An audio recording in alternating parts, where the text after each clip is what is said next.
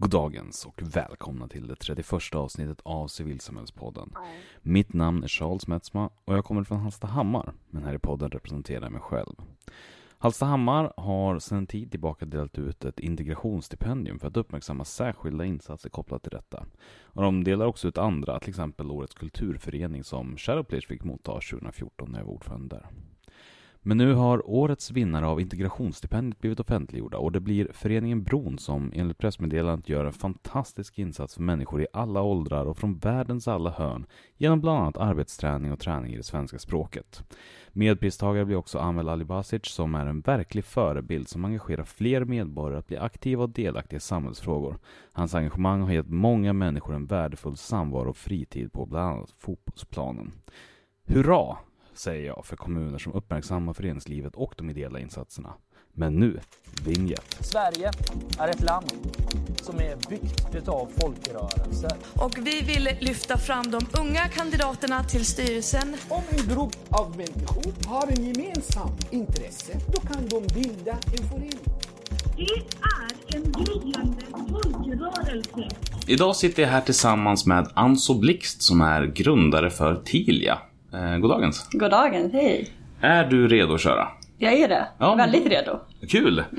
Då börjar ju precis som vanligt eh, med frågan Hur blev du en engagerad människa? Åh. Ehm, jag har nog aldrig faktiskt sett mig som en engagerad människa. Mm. Ehm, jag har alltid brunnit väldigt mycket och haft ett stort hjärta för barn och unga. Eh, men samtidigt har jag själv brottats väldigt mycket med ja, men dålig självkänsla. Nästan att jag har liksom brottats med hela samhället har jag känt. Eh, och Samtidigt som jag vet att liksom, engagemanget har ju såklart funnits men jag har inte tänkt mig som en människa som eh, kan ta platsen och göra skillnad. Jag har liksom inte vågat se mig själv som en sån person. Ehm, så som svar på frågan så tror jag, jag har alltid verkligen varit det. Jag har brunnit för frågan som jag jobbar med, barn och unga. Ehm, men det dröjde ett tag innan jag liksom hamnade på rätt plats i mitt engagemang. Men vad var det som, vart blev brytpunkten då mellan att känna väldigt mycket till att sen eh, känna att du kunde börja brottas med samhället eh, på ett mer konstruktivt sätt? Um, det var inte ett speciellt tillfälle så, utan det har nog varit en lång kamp liksom. Men jag minns um, första gången uh, när jag var typ 16 år så var jag i Thailand uh, och uh, gick förbi ett gatubarn som jag verkligen mötte. Alltså i blicken och i hela känslan. Alltså hon satt där eh, typ en fyraåring kanske och så är de ju väldigt så här undernärda och små. Och ja, hon gick bara rakt in. Så då var det som att liksom det här som jag alltid har haft med mig, att jag vill göra någonting. Bara blev såhär men jag måste göra någonting istället. Tog ett steg framåt och då vet jag att jag började fundera på vad jag skulle välja i gymnasiet och om det finns någonting eh, där jag kan lära mig hur jag ska kanalisera det här jag kände. Eh, och det närmaste jag hittade var eh, samhällsvetenskaplig linje och den hette fred och konflikt, en inriktning som fanns lokalt. Eh, och började sätta mig in i liksom världen och olika konflikter så. Eh, men sen däremellan så eh, ja, men har jag brottats mycket med psykisk ohälsa och, och mig själv. Eh, tills jag liksom kom ut på andra sidan och Ehm, började engagera mig ideellt. Eh, och det gjorde jag eh, under en utbildning där jag skrev ett specialarbete om ehm, då var jag väldigt inriktad på ätstörningar. Skrev ett specialarbete, hittade en tjejjour. Eh, och började ja, men, verkligen landa i att det här är verkligen mitt kall. Och det gjorde jag liksom i mötet med de ungdomar jag pratade med. Eh, så det har liksom varit en väldigt lång sträcka och kanske inte en speciell tidpunkt eller brytpunkt. Nej. Men vad var det för organisation du engagerade dig Eh, i då? Tjejzonen heter den. Eh, och de är idag Sveriges största organisation för tjejer eh, på nätet. Eh, och sen eh, efter det så utbildade jag mig på en folkhögskola som heter Tollare folkhögskola. Eh, de har ett program som heter Socialpedagogiskt ungdomsarbete. Mm. Lång titel. Eh, men där började jag också ja, men växa mer och mer i att jag faktiskt kunde. Eh, samtidigt som jag är Ehm, eller i större utsträckning var väldigt så här, rädd socialt. Jag hade väldigt svårt att prata inför folk. Och, eh, och folk, folkhögskola är ju väldigt så här, praktiskt och mycket rollspel och man pratar. Ja, men vi utsattes ju liksom för det där hela tiden. Eh, så jag fixade det ett av två år. Sen blev det verkligen, den pressen blev för stor. Men jag hade världens bästa stöd både från lärare och från min klass som var väldigt så här släpp liksom inte den tanken du har om att starta, att du vill starta någonting. Um, ja, och sen um, på den utbildningen så var jag också i en organisation som heter Frisk och Fri Mm. eh, under min praktik. Och där mötte jag ännu fler unga, pratade ännu mer om den här frågan eh, med psykisk ohälsa och landade ännu mer i att ja, men jag började liksom sakta men säkert förstå att jag nog också kan göra, kan göra någonting. Men att jag kan göra det på mitt sätt.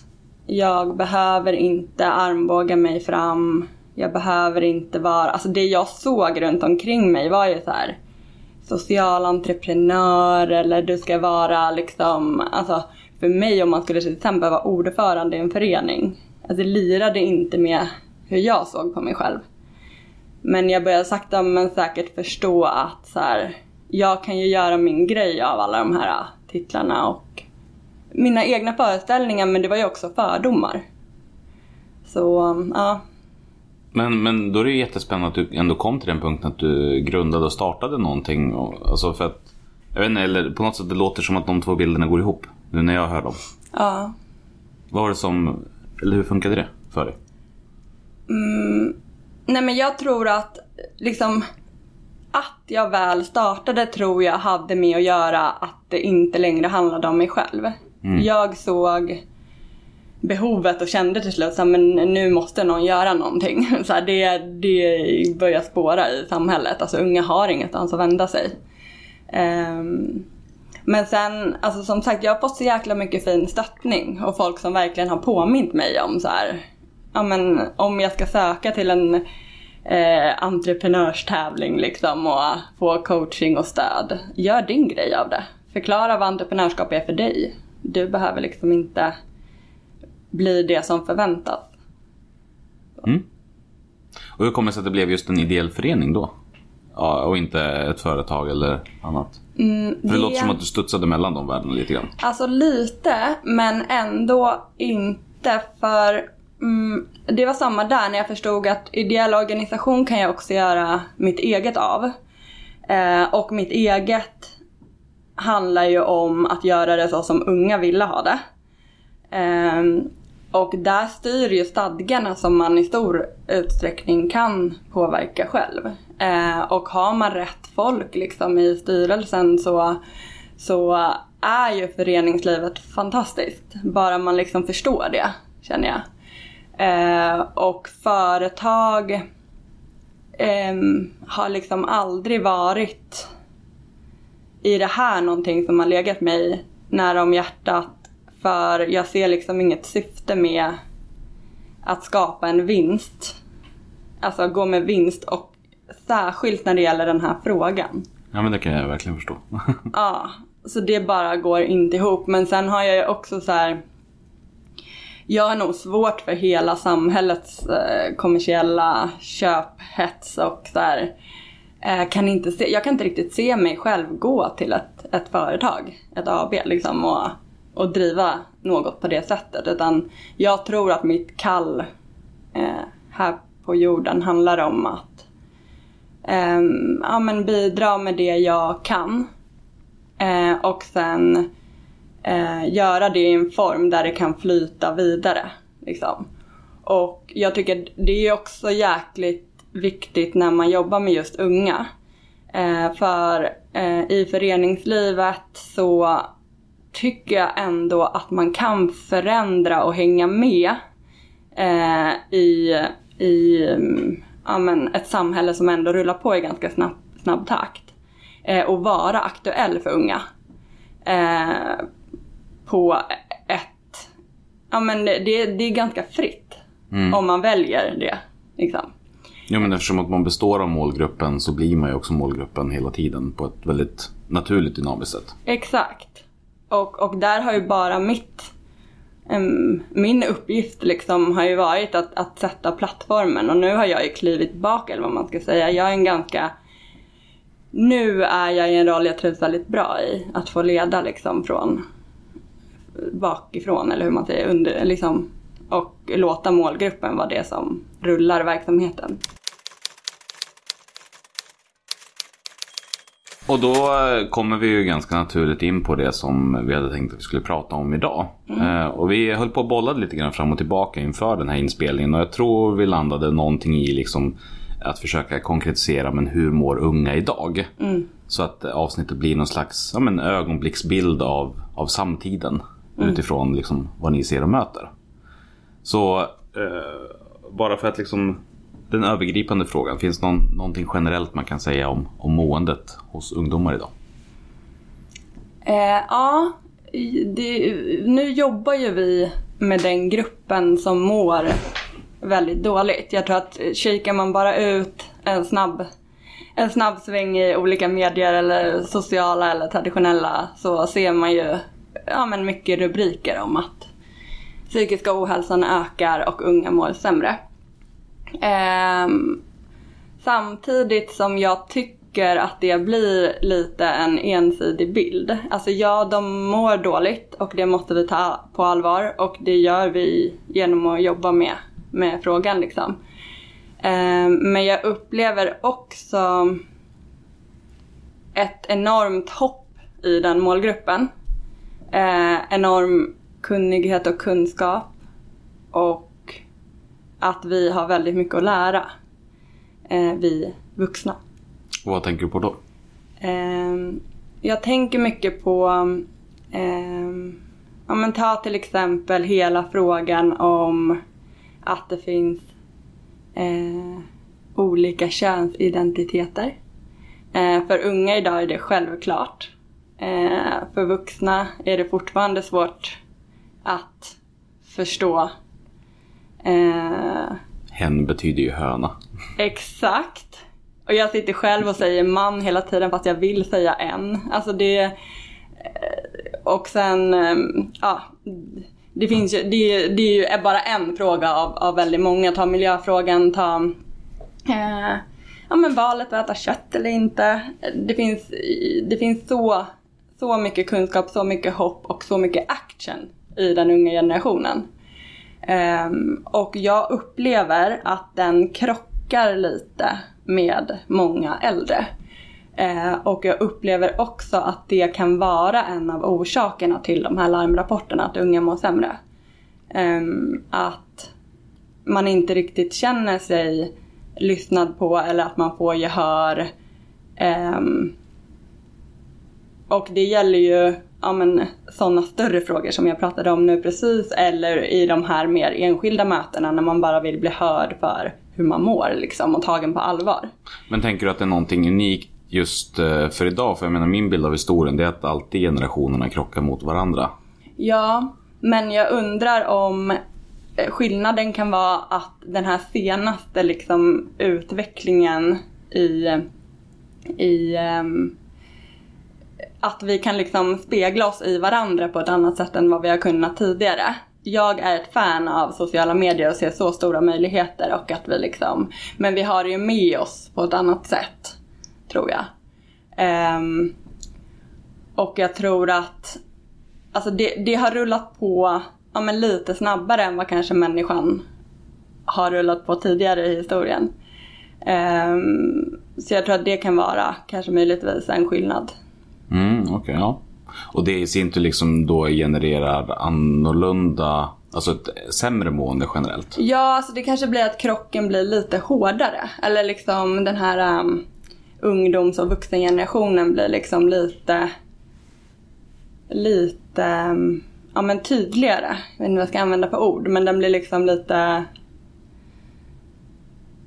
Det är skarpare linjer mellan. Exakt. Ja. Och sen, det, det skulle ju också kunna vara så att visst, det är ju ingen skillnad. Eh, det kanske alltid har varit så här i historien och klyftan har varit stor och liksom... Eh, och så kan det ju också vara. Det, kan, alltså, det vet vi ju inte. Men, men det vi vet är ju att klyftan är stor och att unga mår dåligt. Och vi kanske inte gynnas så mycket av, jag, vet, jag, jag fattar ju verkligen vikten av att jämföra och lära sig av historien och liksom. Men samtidigt så känner jag att det finns så mycket svar i våra unga idag om vi bara lyssnar på dem. Eh, och det kanske vi skulle ha gjort bakåt i tiden också liksom. Men vi har ju alla möjligheter att göra förändringar som är väldigt lätta.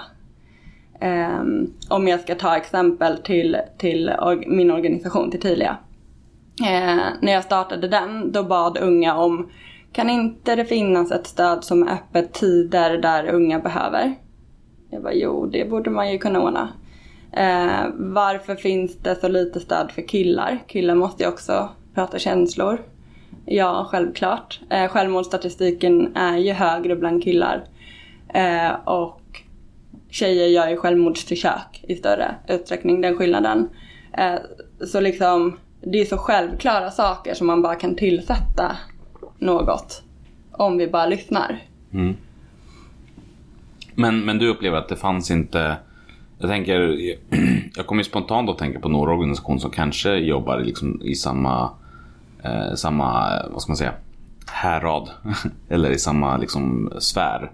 Eh, vad var det som du kände att det, det saknades väldigt... Fanns det något specifikt som du saknade? Eller var det bara det att det gjordes på ett eh, annorlunda sätt än vad du såg framför dig? Eh, nej men jag tror att det, det var ju... Jag kände också att det redan fanns. På något sätt. Eh, och vi startade ju 2012, så det är ja, sex år sedan nu. Eh, men när jag träffade unga så upplevde de inte att det fanns. Och då känner jag, då är det ju något som inte finns. Ehm, och om jag ska göra det lite tydligare så finns det ju många tjejjourer som jobbar med frågan. Men då, då tappar man ju alla andra eh, utanför om man identifierar sig som tjej. Ehm, då så fanns det inte jättemånga stödchatter som faktiskt var öppet fredag, lördagkvällar. Nu har det exploderat på den marknaden eller vad man säger. Eh, men det fanns inte då. Och då får vi ofta alltid frågan så här, men BRIS finns ju. Eh, ja, men de vänder sig, gör ett fantastiskt jobb, vänder sig till barn upp till eh, 18 år. Eh, och är man då där statistiken eh, skjuter i höjden på ångest, oro och stress eh, mellan 16 och 24. Den gruppen hade ingenstans att vända sig. Ehm, och det här med att många sa den vanligaste frågan jag fick som gjorde att jag bara, nej men nu, nu måste jag starta. Det var så här, varför finns det inget mellanting? Eh, jag är för frisk för att få hjälp av vården. Men jag är en, jag mår ändå så pass dåligt att jag inte klarar livet liksom. Eh, och ehm, det, jag fattar verkligen, alltså man kan inte behandla bort skolstress. Man kan inte behandla bort um, ja, men, hur samhället ser ut och hur skeva ideal påverkar ungas självkänsla. Det är liksom, ja, så vi täcker nog ändå upp ett glapp där. Och sen så finns det också organisationer som jobbar med allvarligare psykisk ohälsa. Där har vi till exempel Mind och Självmordslinjen. Och eh, vi möter också de frågorna självklart. Men eh, vår expertis ligger liksom i den här mellantyngsgruppen. Den allmänna existentiella ångesten. Ja, bland annat. Ja. Och där liksom, du behöver inte ha ett varför. Nej. Du kommer hit och känner så här, här verkar det vara en organisation där det finns människor som liksom eh, förstår mig. Och sen kan det ju också vara så att man har varit runt i vården väldigt mycket men inte fått det bemötande som, som man faktiskt har rätt till. Ehm, men, men det allra vanligaste är det här liksom, jag, jag försöker få hjälp men jag får inte för jag är tydligen inte tillräckligt sjuk. Och det är ju jättefarligt. Alltså då gör ju sig ungdomar sjukare för att få hjälp. Och vad, där ser vi också ett svar på varför ökar ohälsan? Jo, för att, för att få någon att lyssna liksom så, så skriker man genom destruktivitet liksom. Mm. Du har ju varit inne på några, liksom nämnt några grejer i förbifarten, men vad är det generellt sett eh, som, vad är det de flesta hör av sig om? Är det liksom skolan eller, och ideal? Ja, jag upplever lite att det där, det är ju väldigt generellt, ja. Skolstress har vi super, super mycket. Vi har så här ångest, oro, stress i liksom alla, alla samtal vi har. Bara av att inte liksom klara de kraven eller av att liksom skolmiljön, skolmiljön eller Ja, både och. Ja. Alltså det är ju så här, hela spannet? Ja, alltså vi har 200 konversationer per månad i chatten och vi har dubbelt så många som vill logga in. Och så har vi också räknat ut att i vår stödverksamhet så så många unga, vi har mött liksom one to one, face to face, i mail, chatt, så vi vet att, att det är unika unga. Det, var, det är över 2000 personer. Så lika många personer vi pratar med finns ju något som gör att de kommer in, som har lett till ångest, oro och stress. Och absolut, skola är vanligt. Alltså i det här med hur miljön ser ut liksom. Eh, jag upplever att vi har en grupp som ja, men, är lik den jag var, som jag berättade lite inledningsvis. Eh, kanske inte den som tar platsen, pratar mycket, är mer åt introverta hållet om man säger. Eh, och känner en enorm press i att man är fel. Om man är på det sättet. Mm. Ehm, hur liksom betygssystem ser ut. ehm, ja, och så vidare. Den typen. Men sen har vi ju, vi möter ju också de som liksom far illa hemma och därför vi får gå in och hjälpa till med, med anmälningar och så går det ju liksom i, i vågor också vad som, vad man pratar om i, i media och vad som rullar på sociala medier runt metoo. Eh, hade vi jättemycket med det och så vidare. Så det är så himla olika. Mm. Och jag vill verkligen vara tydlig med det också för att jag är rädd också att där är lite så här problemet med media när man rapporterar om psykisk ohälsa. Det är ofta så här. Hon ville dö, nu hjälper hon andra. En så här jättevanlig rubrik som ibland sett på mig själv också när jag berättar om mitt engagemang. Och då blir jag så här, dels målas det ut lite en offerbild som många inte känner igen sig i. Eh, som jag inte skulle känna igen mig i heller och söka till tydliga om jag var yngre.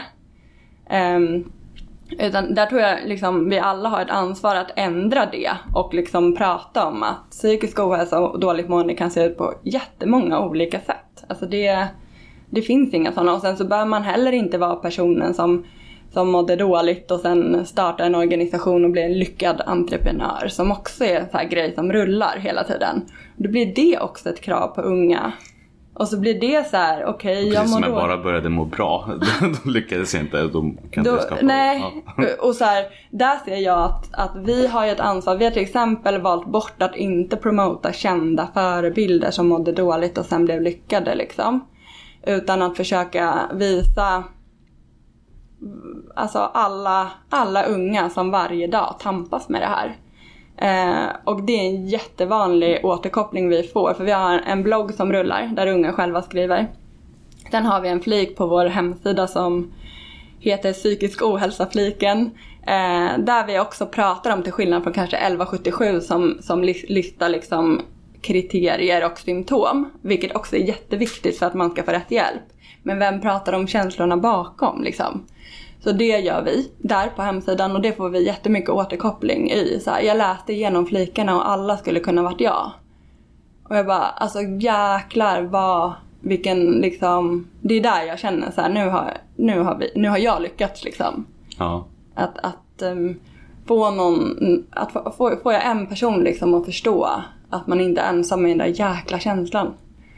Och i det också att det finns ju så många som aldrig kommer söka sig till en stödchatt heller. Eller vi har ju också en lägerverksamhet. Det är ju ett jätte, jättesteg att åka på det.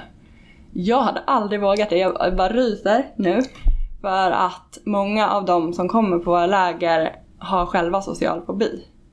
Sätter sig på en buss liksom från, eh, jag vet inte, kommer från hela Sverige, tar sig ut till en lägergård med människor de aldrig har träffat förut och åker dit liksom. Men jag tänker också bara tröskeln i att liksom verkligen Alltså det du sa tidigare, den här offerrollen, att om man ska åka på ett läger för det, då liksom är det ju väldigt lätt att liksom fastna i den identiteten också. Ja, Alltså så. precis. Och där har vi också varit jäkligt noga med så här, ni är fan kämpar allihopa, ni är krigare. Och det finns liksom inget offer i det här. Alltså snarare tvärtom. Trots allt det som ni har så gör ni allt ni gör.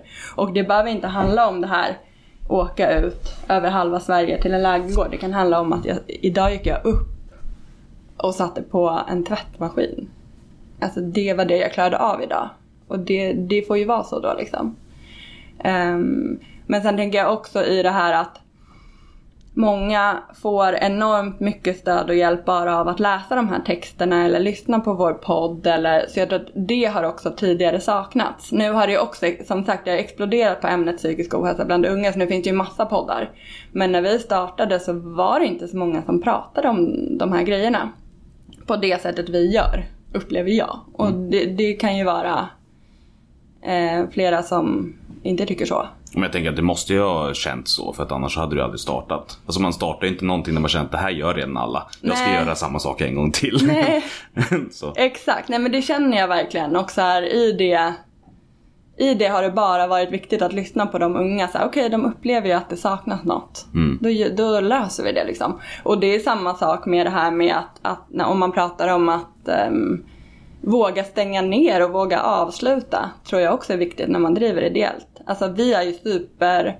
Vi, jag vet att vi gör en supernytta idag, det ser jag på alla de samtal vi har. Men det kanske inte är så om fem år. Då måste vi ta vårt ansvar att liksom inte dra i bidragspengar som, som skulle kunna göra nytta någon annanstans. Ehm, så. Det där är ett helt avsnitt för sig själv som man Ja. måste göra någon gång. För att just det här med alltså, existensberättigandet och när man ska... När upphör en organisation behövas? Det är superspännande tycker jag. Alldeles för få tycker jag ställer frågan varför ska vi fortsätta vara en organisation? Ja, Men av många olika anledningar. Inte bara liksom att man inte ska ta pengar från andra utan vissa som bara fortsätter finnas för att de fortsätter finnas. Ja, sidospår. exakt. Jo men det är lite sidospår men ändå så här. Det, det har ju lite med typ vårt samhälle att göra också. För jag tror jättemånga som ja, men grundare, ledare som inte skiljer sig själva också från sin organisation. Jag hade en jättebarnslig syn på det i början men jag har mognat och jobbat mycket med mig själv och liksom eh, det har varit skitviktigt att skilja mig själv från det vi gör liksom. Och då blir det ju, då blir det mycket lättare att, eh, att se organisationen som, som, som att den är en egen individ nästan. Men vad var det som är skillnaden från då till nu menar du? När du säger barnslig syn? Nej men jag tror att jag, jag har haft en tid där jag identifierade mig väldigt mycket eh, med organisationen. Eller jag växte ihop väldigt mycket med den. Ah, ja, okej, ja. Eh, och då tror jag att det blir svårare att släppa. Om jag då skulle ha insett att så här, okej, vi kanske inte gör så stor nytta. Då kanske det hade varit svårare för mig att släppa än vad det är idag. Eh, jag, har, jag känner att jag har en väldigt, ja men mycket mer mogen inställning till att vi kör så länge det funkar. Och, och sen får vi liksom Ja. utvärdera. Och vara Det, det, var, det var alltså som att det inte bara var din baby som du tog hand om utan att det var en faktisk del av dig. Så att eh, alltså, organisationens lyckande eller misslyckande var lika med ditt lyckande Ja, eller misslyckande. Lite så. Ja. Lite så. Sen, sen har jag också jobb, alltså jag liksom under den här tiden att våga starta har jag också jobbat jättemycket med självkänsla och självförtroende och att veta att liksom mitt värde sitter inte i mina prestationer och sådär. Men jag känner också att jag har en ödmjukhet i att det är ju lätt för mig att sitta och säga det också nu när min dröm faktiskt rullar. Jämfört med om jag inte fick den att rulla och på den tiden då när jag faktiskt, som du sa då, eh, det var lite en del av mig. Mm. Eh, så, nej, jag tror att det hade varit svårare då. Men jag tänker att vi kan rulla över lite grann för att koppla det här eh, lite allmänna till mer till civilsamhället i sig. Mm. Eh, Eftersom att det är en av de sakerna som det pratas väldigt mycket om just nu, framförallt i det unga civilsamhället, men eh, det börjar smyga sig uppåt i, i den vuxna sfären också, just det här med hållbart engagemang och mående kopplat till engagemang. Ser, har ni några tankar kring liksom, ja, men hur man mår och hur man engagerar sig och de bitarna? Ja, alltså vi pratar jättemycket om det. Um, och främst liksom hållbarheten i, i egen hälsa för att det, det är ju hela grunden på något sätt. Uh, de som engagerar sig måste ju må bra. Och eh, i vår organisation är det ju både anställda som på något sätt är en grupp och sen har, man, har vi volontärgänget som är ett hundratal i landet som är en grupp. Och sen har vi de unga som, som vi liksom ska finnas för. Så ja, det, Men- På vilket sätt är det närvarande då? Eller på de här samtalen, hur, vad är det ni pratar om då, på vilket sätt? Nej men att det är, en, det är ju en utmaning att nå eh, hållbart engagemang. Ehm, och jag tycker verkligen om jag ska ta, ta gruppen ledare och vi som, eh, ja, men som ses som liksom entreprenörer blir jag ofta kallad. Liksom. Eh, och eh, jag är change leader i eh, Reach for Change. Som är en stiftelse som investerar i personer som gör livet bättre för barn. Eh, så vi, där är vi, det väljs årligen ut ett gäng. Eh, och så får man eh, finansiellt stöd och eh, coachning och stöttning. Så jätte, jätte värdefullt har det varit för mig. Ehm, men där, och så då är vi liksom en grupp på 12 eh, entreprenörer från hela Sverige där som, som får, vi får ju individuellt stöd men vi ses också i den här gruppen och då pratar vi mycket om de här frågorna med, med vår egen hälsa. Det blir liksom en möjlighet att, att um, um, ja, men få utlopp för tankar om det i den gruppen som leder väldigt liksom, stora eh, organisationer. Eh, och jag, alltså jag kommer ihåg också min, min bild av när jag klev in som sån här change leader hos Read for Change. Det är ju samma där. Då såg jag bara så här social entreprenör. Det är ju de som liksom bara springer och springer och springer.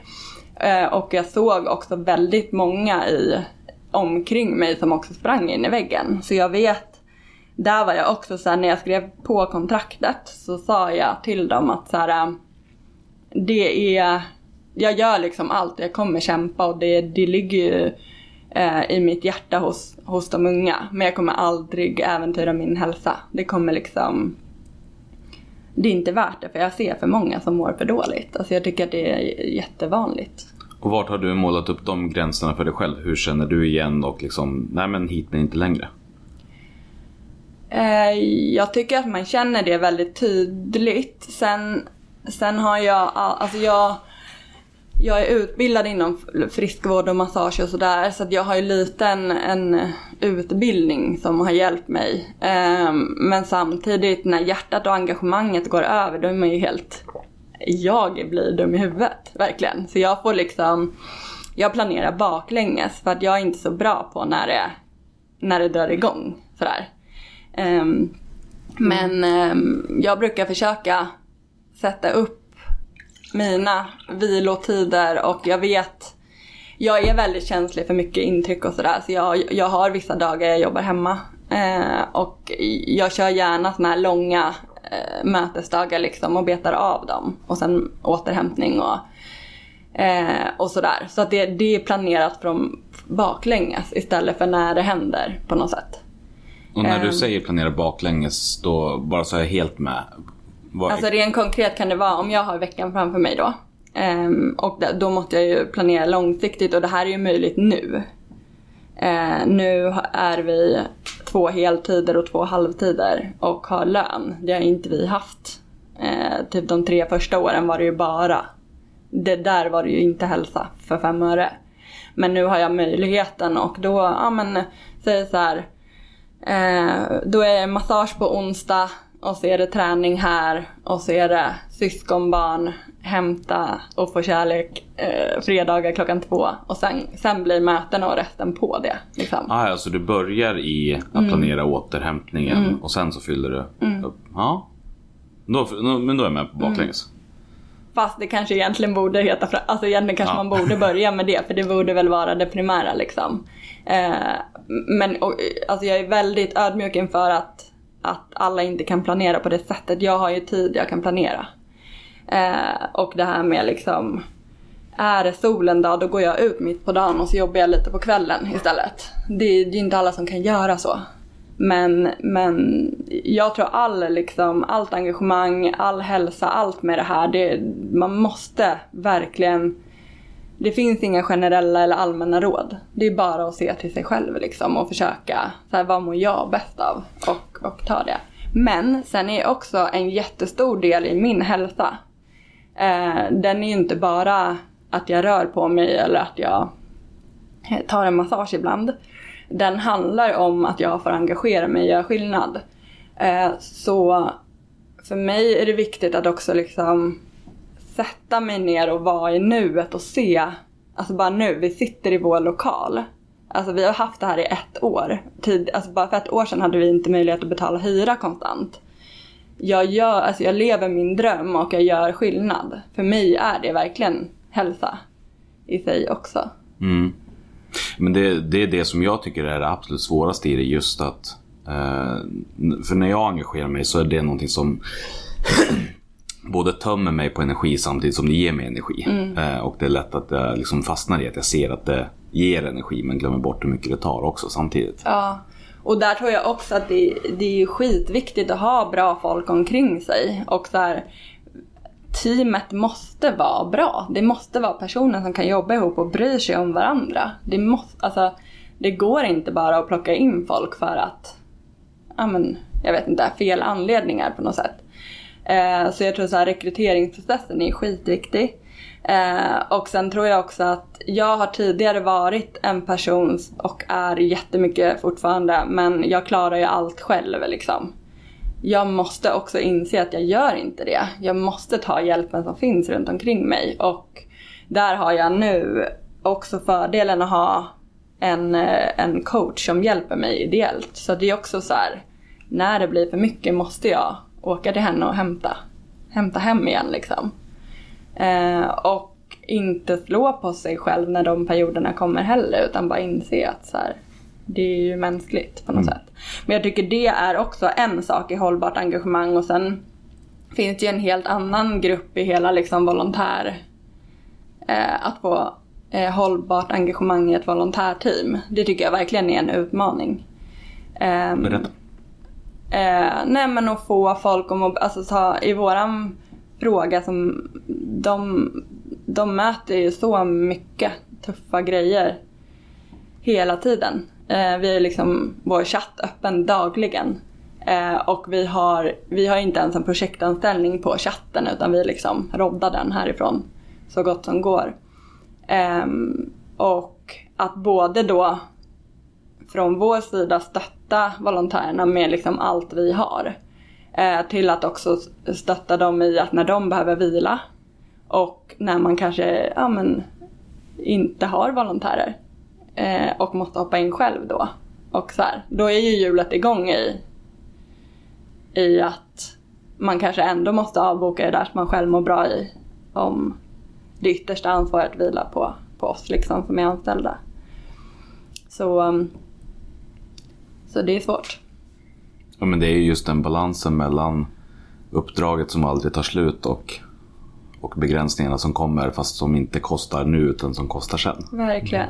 Verkligen. Men det är det är framförallt det som jag har tänkt väldigt mycket på. Just det att, att eh, för mig själv väldigt mycket titta på, inte vad, vad kostar det mig att göra det här nu utan vad kostar det mig längre fram att göra det. Verkligen. Eh, och jag tror så här. Vi, vi står lite i ett organisatoriskt skifte nu. För att tidigare så har jag inte hunnit tänka på vad det kostar mig sen. Eh, för att ja, men min, jag har ju bara varit fullständigt naiv och bara kört. Och det här kommer ju liksom, alltså det är anledningen på något sätt vi, till att vi står där vi står idag. För att varenda hål jag såg i samhället där det som behövdes inte fanns täckte jag ju själv. Och sen så byggde jag upp en volontär runt omkring och sen så rullade det. Um, tills, uh, tills jag kan ibland känna att så här, det är som att jag bara har blinkat och så har det gått sex år och bara wow, nu är vi en organisation som har öppet varje dag. Det, det är alla de här volontärerna i landet och liksom Sen har vi också suttit på samma stolar väldigt mycket, liksom varit i, inom styrelsen och anställda och volontärer själva. Um, medans nu är det på väg att ändras och vi går in med en, en styrelse nu på sju personer med all kompetens som jag bara har drömt om. Och har möjligheten att, att sätta oss ner och bara diskutera hållbarhet till exempel och vad kostar det mig sen? Så att det är så här eh, var sak har ju också sin tid på något vis. Men om du hade gjort om, jag tänker nu om du hade idag nu med det du vet och kan. Nu skulle du grunda en organisation. Hade du gjort det på samma sätt eller hade du gjort någonting annorlunda då? Um, alltså, jag tror att Idag känner, eller alltså det känns ju som att jag har blivit 80 år gammal för allt jag har lärt mig. Så att jag tror väl att jag skulle vara mer, ja men mogen i allt möjligt, verkligen. Men, men eh, något jag verkligen... alltså då sprang jag ju på allt. Alltså varenda, jag var ju överallt hela tiden. Men samtidigt känner jag att det behövdes ju. Vi hade ju inte varit där vi var idag. Så jag har svårt att tänka mig och liksom vilja ändra och tänka på att jag skulle ha gjort någonting annorlunda liksom. Ehm, Så det är ett, eh, ett pris som var tvunget att betalas och det hade behövt betalas igen för att liksom lärdomarna hade... jag tror det. Ja. De hade ju aldrig trillat ner annars. Sen med de lärdomarna, om jag skulle starta nytt, då hade jag ju liksom insett också så att förändring tar tid. Jag var ju så här, de dör om vi inte sätter in något nu. Alltså Ja. så här, och om ingen gör något, då gör jag det själv. Alltså, Ja. ni alltså så här, jag var så himla... Jag trodde liksom att alla Sveriges ungdomars mående vilade på mina axlar liksom. Mm. På något sätt. Så det, det har jag ju insett. Det är en ganska stor kostym att ta på sig. Liksom. Det är det. Och det, det, är ju, det är ju inte hållbart till att börja med och inte hälsosamt någonstans. Även om som sagt Någonstans har jag ju också levt med en frustration att det här problemet har funnits. Så jag mådde verkligen sämre när jag inte gjorde något. När jag satt och såg så här, unga mår jättedåligt. Men, och det, det borde vara rätt lätt, lätt att lösa. Men, men varför startar ingen typ något sånt här? Så här? Den frustrationen tycker jag var värre. Mm. Ehm, och den kan jag känna fortfarande idag när det liksom är när vi måste fortbilda oss om väldigt tunga ämnen. Jag, jag vet ju att allt det här försiggår där ute och jag tycker att det är värre att, att inte typ gå in och göra något åt det på, no, på något sätt. Just den balansen mellan Alltså att det inte bara är någonting som ger energi att få jobba med men också att det är någonting som kostar att inte jobba med om, men som i ditt fall då att det liksom verkligen känns att eh, men här kan jag göra skillnad och så fort jag inte gör det då liksom, kostar det också. Bra formulerat. Precis så känner jag. Eh, För och- då, då balanserar du liksom på någonting väldigt tunt där. Liksom, kostar väldigt mycket oavsett vilken ände du hamnar i. Verkligen. Och det kost, alltså egentligen kostar det ju inte så. Det är klart jag drömmer om, om en tillvaro där vi kan ta emot alla som söker sig till oss och där vi inte springer. Men jag ser samtidigt att det blir bättre och bättre år för år. Ehm, vi måste ta det, våra organisatoriska utmaningar på allvar, självklart, och liksom hitta lösningar till dem för att ingen ska bränna ut sig. Eh, men samtidigt så är det ju mitt verktyg att påminna mig själv om så här, fan tänk om du hade gått till ett 9 till 5 jobb då och liksom sålt, sålt prylar. Eller liksom, alltså då, då hade min själ varit död. Så, så att leva i sanning är ju verkligen, det är, jag vet inte, jag är så tacksam för det också. Mm. Och jag, när jag känner att jag kämpar och så här, när det kostar på. Det är ju när, när jag är uppe och liksom brottas i strukturell förändring. Och så här, fan, jag, jag blir så jäkla frustrerad. Lyssna bara för det är så enkla lösningar. Men när jag möter våra ungdomar, där handlar det inte om en kamp. Där handlar det om liksom, det är så mycket påfyllnad och så alltså jag känner fortfarande den så här enorma liksom tacksamheten när jag får. Sen är jag ju också tacksam att, att jag hela tiden får återspegling. Jag, att, att kunna ha en mapp i mejlen med fin återkoppling och bara lägga veckovis in tackbrev där. Det är ju också väldigt, en väldigt tacksam tillvaro. Men jag ser den verkligen och känner den liksom. Men jag tycker att det här rullar tillbaka ganska bra. Jag hade en poäng som jag ville göra tidigare men så liksom dansade vi iväg i samtalet. Men du sa vid något tillfälle där att, att det inte liksom går att säga någonting generellt om hur man ska göra för att det ska bli hållbart och man ska må bra. Men samtidigt så tycker jag ändå att vi är där runt och dansar att mycket handlar om att känna sig själv. Alltså det handlar om att eh, hitta vad ger mig energi, vad tar energi och sen eh, verkligen liksom agera utifrån det. Något sätt. Där sa du något. Men alltså det blir det generella för att Ja, och, eftersom och att det är så extremt individuellt. exakt. Ja men jätteklokt. Alltså, liksom sammanfattning av det. Verkligen. För det som är liksom värdefullt för mig och som ger mig energi kan vara totalt liksom. När jag får sitta och liksom grotta i kommatecken i ett par stadgar. Men då känner jag liksom någon värme i bröstet. Ja. Men någon annan dör inombords bara av tanken. Ja, och ja, exakt. Och där är du ju också inne på en till grej för hållbarhet, att syssla med det som, som man tycker är roligt. Mm. Jag fattar och jag har haft åren där jag har gjort allt. Alltså jag har bokfört, jag har, jag har suttit med, spelat in podd och liksom klippt och så här. Det är inte min starka sida och inte min grej. Eh, men idag är vi ju vid, vid eh, ja, ett skede i organisationen där vi också i teamet kan prata om så här, men tycker du det här är roligt? Vi kan skifta uppdrag. Vi kan sitta på våra månadsmöten och bara, men jag kan ta över det där från dig ett tag för det ser ut som att det suger lite väl. Jag känner mig pigg just den här perioden liksom. Så det, ja. Jo men det, det kan ju beskrivas som en, som en lyx men det är ju alltid någonting som man måste, även i den fasen när man inte har det utrymmet så måste man ju hela tiden göra den värderingen av är det värt det? Ver- verkligen. Och valen. Och lite så tillbaka till det du sa om jag skulle ha gjort något annorlunda. Jag sprang ju som sagt på allt. Alltså allt, allt, allt. Och det har lärt mig väldigt mycket men det går ju också att välja och prioritera. Jag tror att det är lätt att hamna i det där. Man tror att också att organisationen vilar. Det är bra med, jag älskar arbetsmoral och att ta sitt ansvar. Men ibland kan ju den rulla över också. Och man tror att man måste vara överallt och göra allt. Och det, det, det rullar på ändå. Jo men även det, alltså att ta sitt ansvar är inte alltid att göra uppgiften utan Nej. snarare se till att man kan göra den några veckor framöver. Verkligen.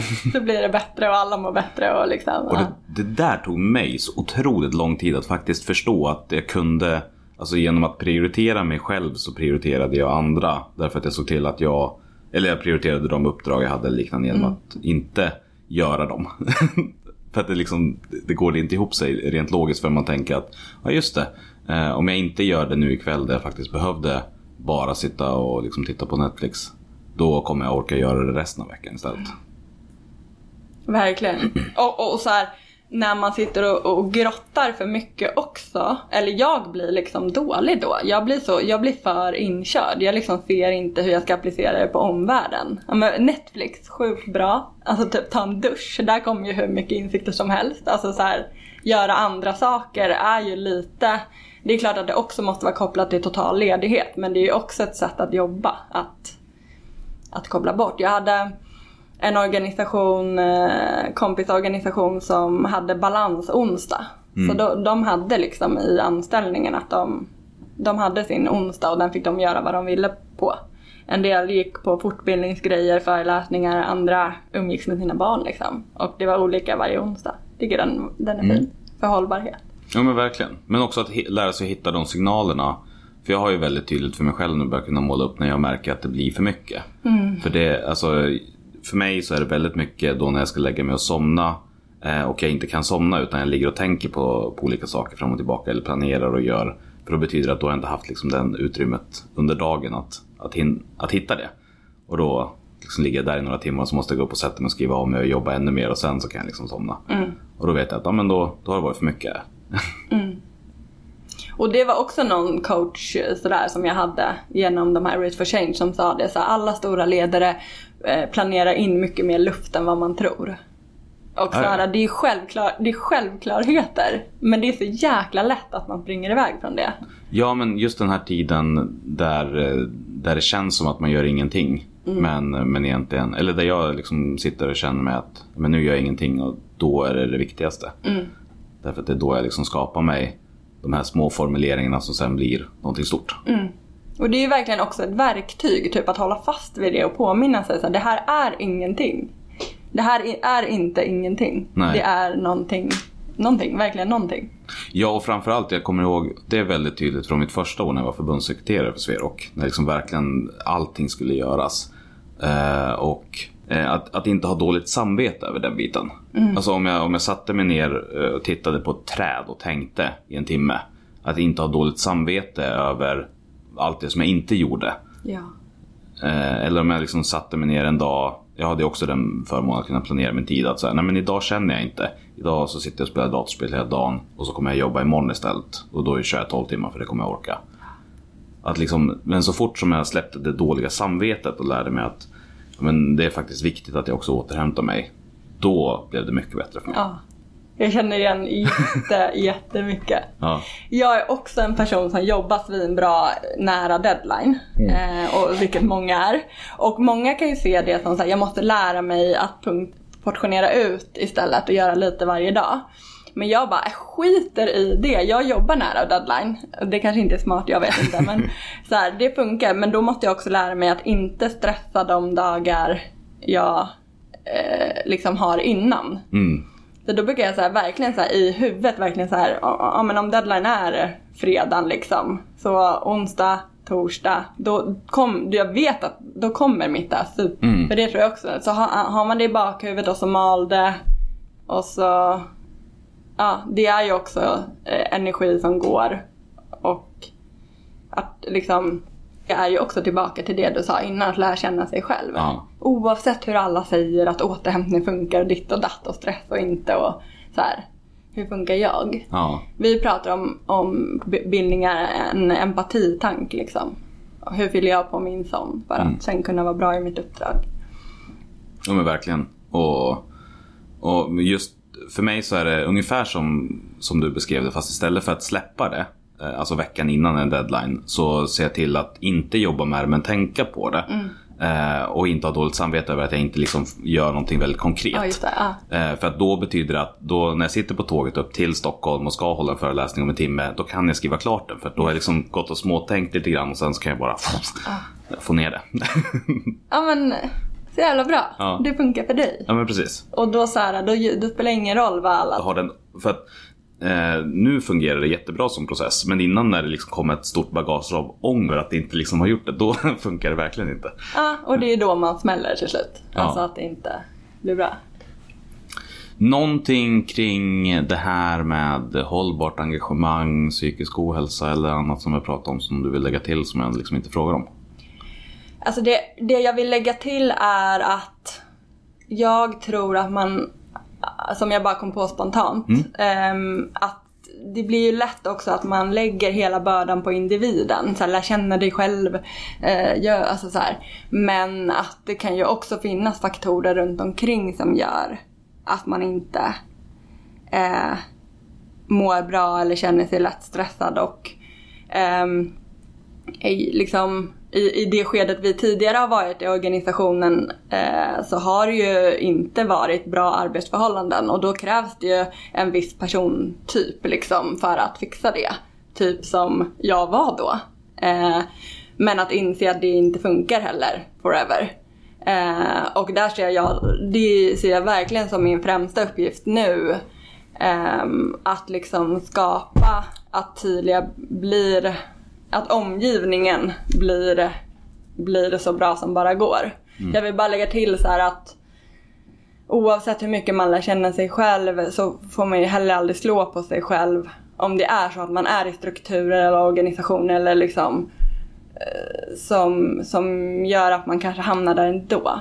Ehm, för att det kanske inte alltid är så jäkla lätt att vara medveten om andra saker, pocka på liksom och man har kontrakt och man har åtaganden och man måste liksom leverera och då kan det bli knas ibland. Verkligen. Det är bara så.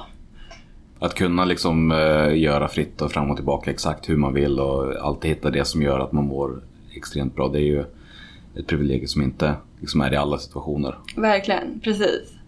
Det, det, och det, det, det behöver ju inte alltid vara heller liksom att man har mycket att göra. Det kan ju vara att man är understimulerad, att eh, man inte är på en plats där man får utrymme för hela sitt eh, potential, alltså hur mycket som helst. Samtidigt som jag tänker att då handlar det, då handlar det inte så mycket om liksom, vad gör man för sig själv. Men då, man, jag brukar i alla fall försöka hitta ett sätt att förhålla mig till det som, som gör att jag blir mer fine med det. Även i den sämsta av situationer. Att liksom hitta, men hur ska jag kunna göra så att det här kassa som jag inte kan påverka, hur ska jag förhålla mig till det på ett sätt som, som jag inte går sönder? Och om jag inte hittar det, då söker jag ju hjälp. Precis. Och så här, äh, eller att det är helt okej att avsluta. Ja, alltså ja. liksom man behöver inte springa tills man levererar liksom. Alltså det går att sätta sig ner och så här. äh, För det, det kan jag uppleva lite ett, ett problem i samhället också. Att det, man ska liksom... Ja men... Ja, nej, bara det. Att det är okej att liksom... Att hoppa av. Det kan ju vara en... Det största och finaste en människa kan göra. Det är inte att man misslyckades. Det kan vara så här. Här lyckades jag prioritera min hälsa. Det tog stopp här. Verkligen. Bara man kommer ihåg att säga det till de som man Inte inte kommer leverera till. Exakt, exakt.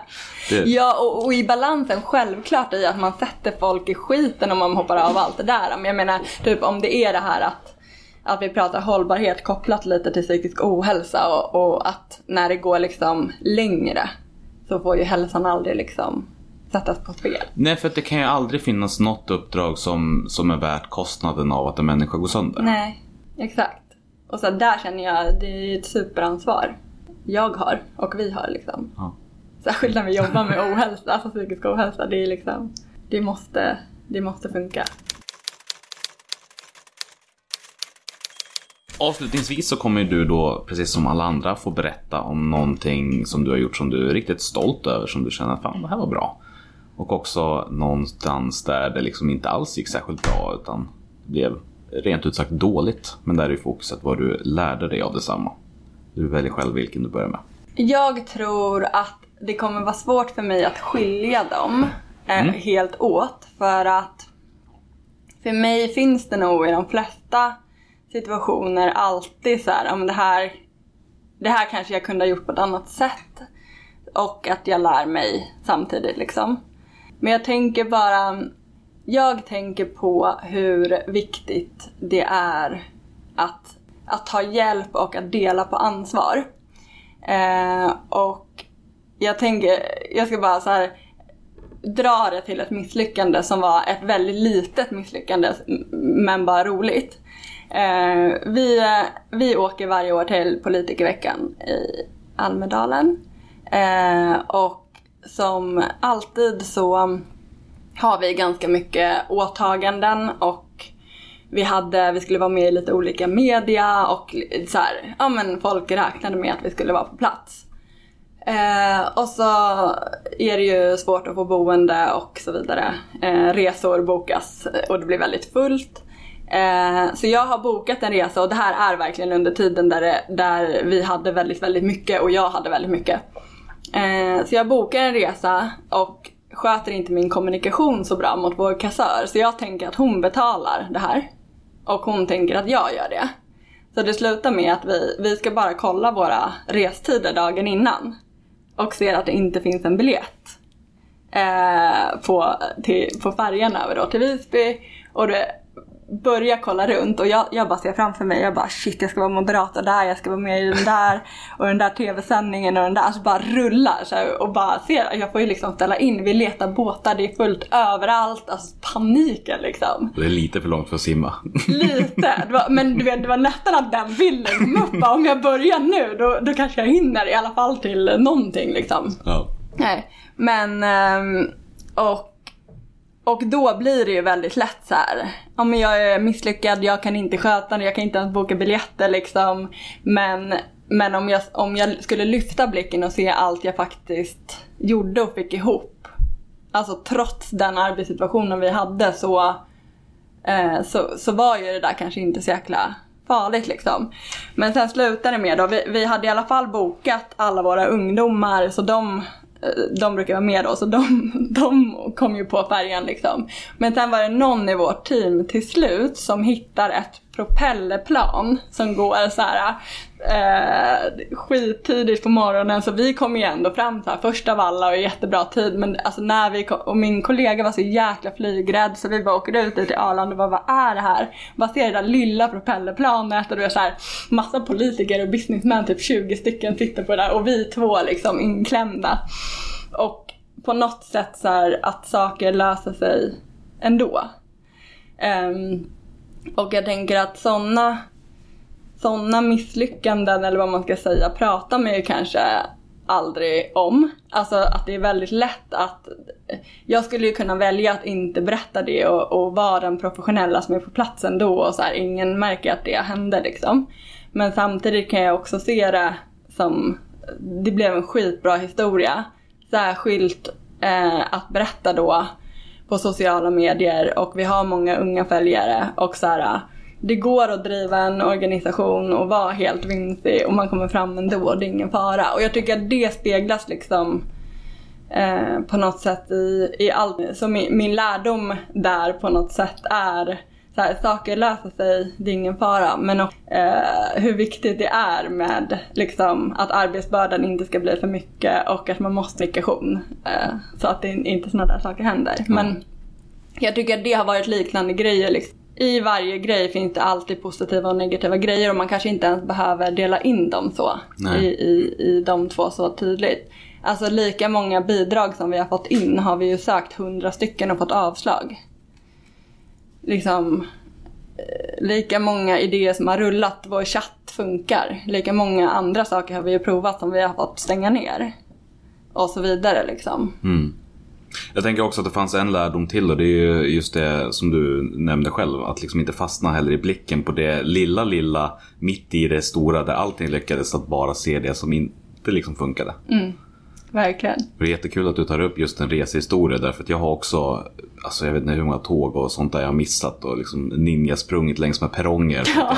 Satt på stationen liksom en halvtimme innan men kollade fel, kollade på liksom ankommande tåg istället för avgående tåg och såg att det var försenat och ja, massa sådana där grejer. Ja. Nej men jag tror verkligen det är skitviktigt att säga de där vardagliga grejerna mm. också. Vi ser alla de här liksom ja, men ledarna och entreprenörer och ordförande som reser och har föreläsningar. Det är så jäkla... Men tänk alltså, mm. baksidan av det. Verkligen. Eh, vill du lyfta fram något eh, särskilt liksom, som du är stolt över också? Eller du... Nej men jag är stolt över eh, kopplat till en sån situation att, att vi löser allt ändå, mm. jag och vi. Eh, och att i det tycker jag att det här med att vi är ett team och att vi är ett vi. För jag blev ju så nervös, jag kunde inte tänka, jag kan ofta tänka ganska klart men alltså jag kunde inte det. Alltså, men då hade jag någon där som hittade det där jäkla propellerplanet, jag vet inte hur, hur det gick till. Eh, men så här, jag tycker det är skitviktigt att påminna om att man inte behöver lösa saker själv. Och i det så är jag också stolt över liksom, att den här föreningen och att Tydliga finns. Att jag vågade jag fattade att jag inte skulle kunna göra allt i hela organisationen men jag visste att det här behövdes och jag ville jobba med de här fantastiska unga människorna. Och det gör jag idag liksom. Och allt annat löser sig. Så det är jag jättestolt över. Toppen, då får jag tacka så jättemycket för att du delade med dig. Tack själv, det var jättekul. Sverige är ett land som är byggt utav folkrörelser. Och vi vill lyfta fram de unga kandidaterna till styrelsen. Om en grupp av människor har en gemensam intresse, då kan de bilda en förening. Det är en gryende folkrörelse. Sen sist så har det återigen hunnit hända en hel del. Och mest framträdande är väl egentligen två saker. Dels så hade vi en hel dag tillsammans med alla konsulter på styrelsepost.se som mest ägnade sig åt att kompetensinventera och prata om bolagets framtida visioner och nuvarande värdegrund. Och där fick jag ju lära känna mina, ja, vad kallar man det, kollegor? Alltså, det är ingen av oss som arbetar där, utan det är mer ett konstnärskollektiv som målar ett bättre rustat samhälle med hjälp av kurser och konsultuppdrag, typ. Något sånt. Men redan när jag tackade ja så var jag glad över att få tillhöra ett sammanhang med likasinnade som jag, i alla fall på distans, hade uppfattat som över medelvärdet när det kommer till kompetens. Men efter den här dagen så är jag helt jävla bortblåst. Alltså hur det kan finnas en sån bredd och ett sånt kunnande och ett så, en så stark, genuin övertygelse om att inte bara de egna organisationerna utan civilsamhället i sin helhet är fantastiskt. Att det kan finnas i så få människor. Alltså personligen så skulle jag nästan kunna tänka mig att boka dem till ungefär vad som helst. Och på tal om det här med uppdrag. Förra helgen så var jag ner till Göteborg och agerade årsmötesordförande för Män för jämställdhet och ja, fy fan vad bra jag var. Alltså jag kan inte säga det på annat sätt eller linda in det, för just nu så är nog alltså årsmötesordförandeskap, jag, jag tror fan att det är det allra, det som jag är allra bäst på just nu, alla kategorier. Och jag tycker att det är så in i helvete roligt. Och dessutom den här helgen, förutsättningarna för ett bra möte var liksom verkligen på plats. För de hade valt att dela upp det på ett sånt sätt att hela lördagen handlade om diskussioner av olika slag som avslutades vid 18 med ett yrkandestopp. Eh, och totalt så kom det in över 30 yrkanden fördelat på sju beslutspunkter. Och då var jag ju väldigt glad över att ha yrkandestoppet. Eftersom att det innebar att jag hade kvällen på mig att förbereda morgondagens omröstningar. Jag skulle uppskatta det till att det totalt tog någonstans runt tre timmar för mig att sammanställa yrkandena digitalt, skapa propositionsordningar, anpassa powerpointen så att jag kunde visa upp allt sammans. Och tre timmar kanske låter som lång tid, men då får man betänka att själva röstandet dagen efter tog kanske en kvart exklusiva diskussioner. Och detta trots att vi hade kontrapropositionsvoteringar i tre led med tilläggsyrkanden på varje och fristående yrkanden utöver det på en av omröstningarna. Och totalt så tror jag att faktiskt att vi genomgick ungefär alla olika varianter av standardförfaranden för omröstningar på de här sju punkterna tillsammans. Men det viktigaste av allt är förstås inte tidsbesparingen, utan att jag vid varje omröstning kunde svepa med blicken över salen och mötas av fokuserade ögon som liksom verkligen tänkte på vad de skulle rösta på. Inte de här skrynkliga ögonbrynen som försöker förstå vad omröstningen handlar om. Och vi hade också så... alltså vi hade superkul också. Det var vid tre tillfällen tror jag som salen skrattade så pass högt eh, åt någonting jag hade sagt eller gjort att ja, vi var tvungna att vänta eh, på att låta ljudet ebba ut för att kunna fortsätta. Och tillsammans så tycker jag att vi liksom skapade någonting så här. Vi balanserade och dansade på den här linan som var spänd över havet av seriositet och lust. Ja, det var sjukt fint. Och det var också så många som kom fram till mig och gav komplimanger.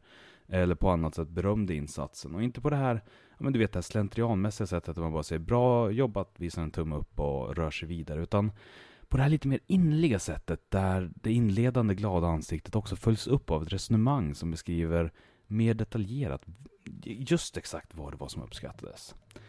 Och det här tror jag ju förstås delvis beror på min insats, men jag tror också att det kan bero på kultur. Och hur man är van att behandla varandra i en organisation.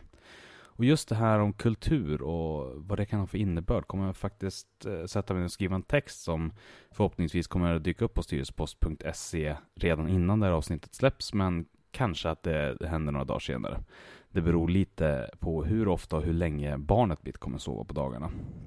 Så, tack till Facebookgruppen De Sangagerade för input inför inspelningen och sist men inte minst, eh, swisha en slant om du vill hjälpa mig att täcka kostnaderna för denna podd eller köp någonting i butiken. Jag la själv en beställning nu i veckan och allt kom fram i rimlig tid med rekommenderat brev och allt. Eh, länk finns i avsnittsbeskrivningen och som vanligt finns det i samband med avsnittssläpp också en ny sak att köpa. Och det där var det sista med min säljröst. Eh, hör av dig så hörs vi igen om två veckor.